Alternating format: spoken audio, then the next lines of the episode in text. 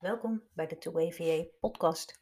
Mijn naam is Yvette en in deze podcast vertel ik je alles over het werken als VA en het werken met een VA. Leuk dat je luistert. Zo, tijd voor weer eens een nieuwe aflevering van de podcast. Ik merk dat ik hier te weinig tijd voor maak. Een van mijn goede voornemens voor, uh, nou ja, en ik, die gewoon op elk moment van het jaar kunnen starten, is om dit weer vast onderdeel van mijn ritme te maken en te zorgen dat er minst elke twee weken voor jullie een nieuwe aflevering online komt. Dus bij deze de belofte. Minimaal eens per twee weken kan je mij verwachten in jouw favoriete podcast kanaal met een nieuwe aflevering van de 2BVA podcast. Vandaag wil ik het in deze aflevering met jullie hebben over mijn uh, opvattingen rond de veelgestelde eis in, um, die ik voorbij zie komen in oproepjes voor een eh, VA is, ja, VA moet kennis hebben van systeem X, Y, Z. En ook uh, een vraag die ik dus ook vaak terugkrijg van, van VA's die denken over het starten als VA. Um, ja, maar ik ken dit niet, ik ken dat niet, dan kan ik zeker niet beginnen. Um, ik vind dat heel kort door de bocht gezegd onzin. um, maar dat voelde je, proefde je waarschijnlijk al een beetje uit mijn uh, woorden. Um, ik denk namelijk dat een van de dingen die de, wat mij betreft een goede VE kenmerkt, is um, de flexibiliteit en leergierigheid en ja, de, de, uh, de onderzoekende geest die in veel VE's zit, toch wel de ja, hoe zeg je dat? Ja, wat zeg, onderzoekende geest. Het willen weten hoe iets zit, dingen willen uitpluizen, dingen willen uitzoeken, dingen willen regelen. Um, dat is denk ik een van de kenmerken van een, uh, van een goede uitvoerende VA. En daarbij hoort ook het uh, uitpluizen en het uitzoeken van bepaalde systemen.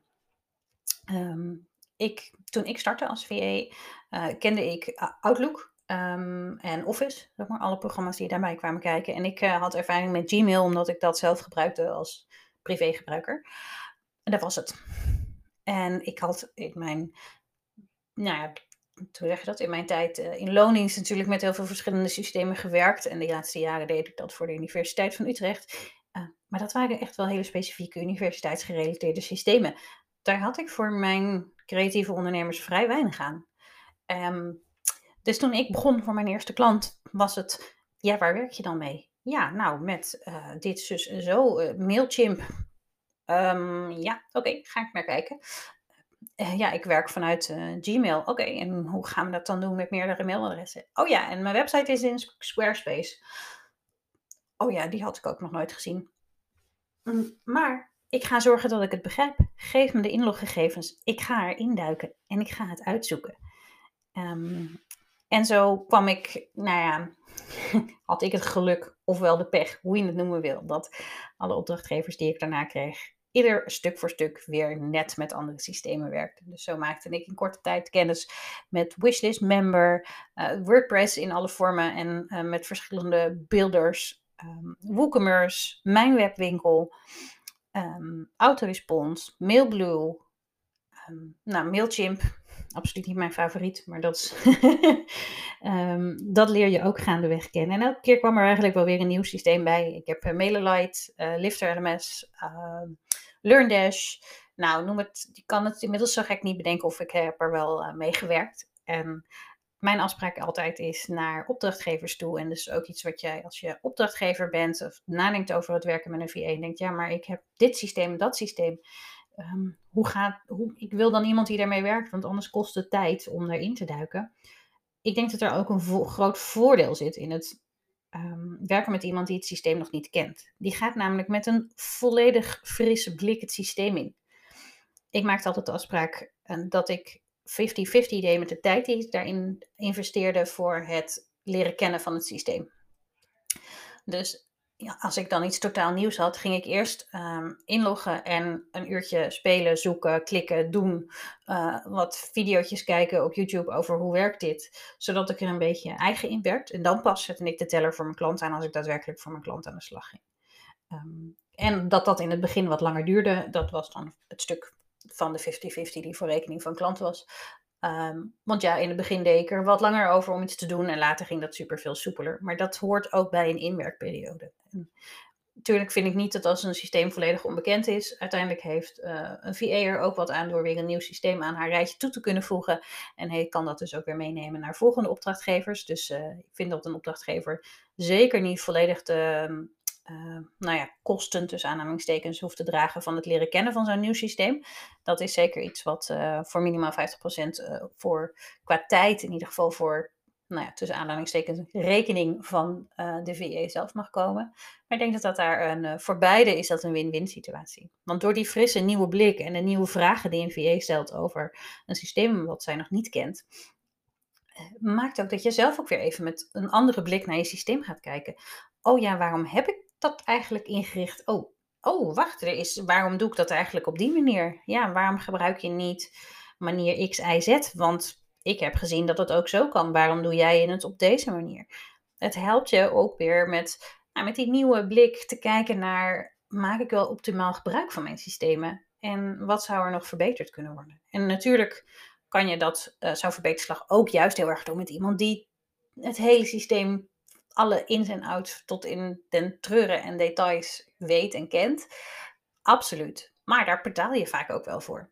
En we kunnen niet met z'n allen voor een dubbeltje op de eerste rang zitten. Dus als jij wil starten met een VA die startend is, die vol energie is, die heel veel zin heeft om overal in te duiken, maar net nog geen verstand heeft van dat ene systeem wat jij nou zo heel vaak gebruikt. Ja, hoe erg is het als diegene dat nog niet heeft? Ik denk nou zelf namelijk dat je dat absoluut als je voordeel in kan zetten. Dat je zo kan zorgen dat je daar um, daarmee juist iemand binnenhaalt die heel goed bij past, wellicht. Um, en het zou zo zonde zijn als je diegene misloopt omdat hij niet het vinkje achter wishlist member heeft staan. Als je iemand uitkiest waarmee je het klikt, waarmee die op één lijn zit voor jouw bedrijf, die past bij jouw ambitie, bij jouw wensen, bij de, de stappen die jij wil zetten, dan is zoveel belangrijker dan of iemand wel of niet de ins en outs van dat systeem kent. En als jij verder bent als ondernemer en al een team hebt en zegt, ik wil echt een specialist op het gebied van programma X, Y, Z erbij, dan ga je werpen, werven voor een specialist. Maar voor specialisten betaal je anders dan voor een allround VA die eh, lerend en groeiend en uh, dergelijke is. Dus wees dan ook wel bereid om daarvoor te betalen voor het specialisme, voor al die kennis die deze persoon al heeft opgedaan. Deze VA heeft dus al met vallen en opstaan uh, het systeem van binnen en buiten leren kennen. Dus dat, ja, dat is, is een andere pool waar je in vist. En uh, ik zou het zonde vinden als uh, opdrachtgevers nou, mensen uitsluiten omdat ze niet met een bepaald systeem hebben gewerkt. En ik denk ook dat het voor jou als VA, als je dit luistert en je bent VA en je denkt, ja nee, maar voor die opdracht kan ik me niet aanmelden, want ze vragen kennis van systeem X. Ja, maar als jij wel ervaring hebt met klantsystemen, met mailsystemen, als jij wel ervaring hebt met MailBlue, maar niet met MailerLite, of wel met MailChimp, maar niet met Mailer, MailBlue, dat betekent niet dat jij niet het systeem begrijpt van hoe zit een uh, mailsysteem in elkaar. Dus reageer vooral. Laat zien waarom jij de juiste persoon bent. Als jij denkt dat jij deze ondernemer echt kan helpen, dan moet het niet uitmaken of je deze kennis al wel of niet hebt. Tenzij dus de opdrachtgever echt zegt: Ik wil een specialist om deze en deze redenen. Ja, als je daar niet in past, dan pas je daar niet in. Maar ik uh, zou je zowel als VA als uh, opdrachtgever aanraden om toch eens even buiten die box te denken. En gewoon te kijken naar de klik op persoonlijk en kennis en interesse en op, nou op al die andere niveaus waarop zo'n uh, zo'n klik tussen VA en opdrachtgever belangrijk is. En laat dat vooral niet afhangen van kennis van systemen. Want een goede VA zorgt ervoor dat ze, de, uh, dat ze zich die systemen binnen no time eigen maakt. En laat jou als opdrachtgever ook nog eens zien dat, ja, waar de eventuele verbeterpunten, witte vlekken, blinde vlekken, hoe je ze noemen wil, uh, zitten in het systeem die jij al niet meer ziet, omdat jij als, uh, als business-eigenaar al zo lang op deze manier werkt. Dus het heeft absoluut zijn voordelen om ook iemand te kiezen die nieuw is met een systeem. En gebruik dit als je VA bent en je luistert dit. Gebruik dit dus ook uh, vooral ehm, als strategie om jezelf te verkopen. ja, ik heb ik heb niet deze specifieke kennis waar jij om vraagt, maar ik heb wel deze, deze en deze kennis. Of ik heb wel dit en dit in de aanbieding, waardoor ik denk dat ik juist de perfecte match ben. En ik ben onwijs eager om dit systeem wel te leren kennen. En ik ga dat uiteraard voor een groot deel in mijn eigen tijd uh, in de vingers krijgen. En zorg dat ik uh, binnen no time van meerwaarde kan zijn voor jou ook binnen dit systeem. En um, je prukt daar als uh, opdrachtgever ook direct de vruchten van, doordat je mij, doordat mijn reis in het leren kennen van dit systeem via jou, met jou als voorbeeld, met jou als, um, ja, als proeftuin, jij proeftuin kan zijn voor deze persoon om, om dit systeem te leren kennen. En dus echt met die frisse nieuwe ogen daarnaar kijkt.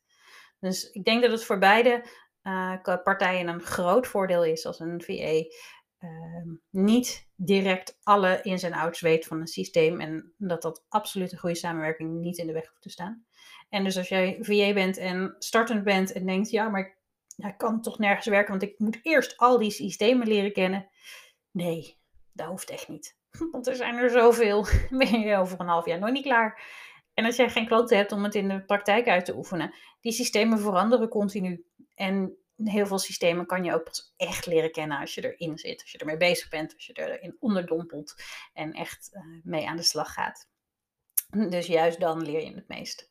Dus ga vooral lekker aan de slag. Neem juist ook contact op uh, met de mensen die misschien om dingen vragen die jij niet 100% al in je portefeuille hebt als VA. Maar maak duidelijk waarom jij wel de VA bent voor deze persoon om mee aan de slag te gaan. En opdrachtgevers, wees niet te kritisch in wat je vraagt ga ook uit van de, ja, van de groeikracht uh, van VA's. En uh, sta ook zeker open voor VA's die niet direct aan 100% aan het plaatje voldoen wat jij wellicht bedacht hebt. Maar sta ook zeker open voor groei en nieuwe ontwikkelingen en hoe je daar de vruchten van kan plukken voor je eigen bedrijf.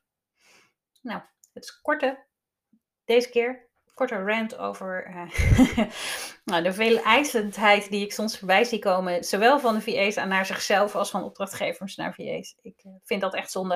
Ik denk echt dat het uh, anders kan. Dus dat wilde ik bij deze jullie meegeven. Als je hier nog aanvullingen, opmerkingen, ideeën over hebt die hier wellicht volledig van afwijken of juist hierbij aansluiten, laat het me weten. Je vindt me op Instagram onder yvette.twayva, waarbij je two met een 2 schrijft. Um, en uh, laat, het, uh, laat het me weten. Ik vind het super leuk om te horen als er mensen luisteren. Uh, ik krijg dus nu ook daadwerkelijk berichtjes van mensen die luisteren. En vind het nog steeds maf. blijft een gek idee. Maar ik vind het heel erg leuk dat ik hier niet tegen niemand zit te praten. Maar dat er ook mensen luisteren. Dus laat het me weten als je luistert. En als je hier wat aan hebt. Of als je hier nog iets op hebt aan te vullen of op te merken. Ik vind het heel erg leuk om dit te lezen. En ik hoor je graag. Of zie je graag zou ik zeggen. Maar nou ja, je hoort mij snel weer in een nieuwe aflevering. Doeg!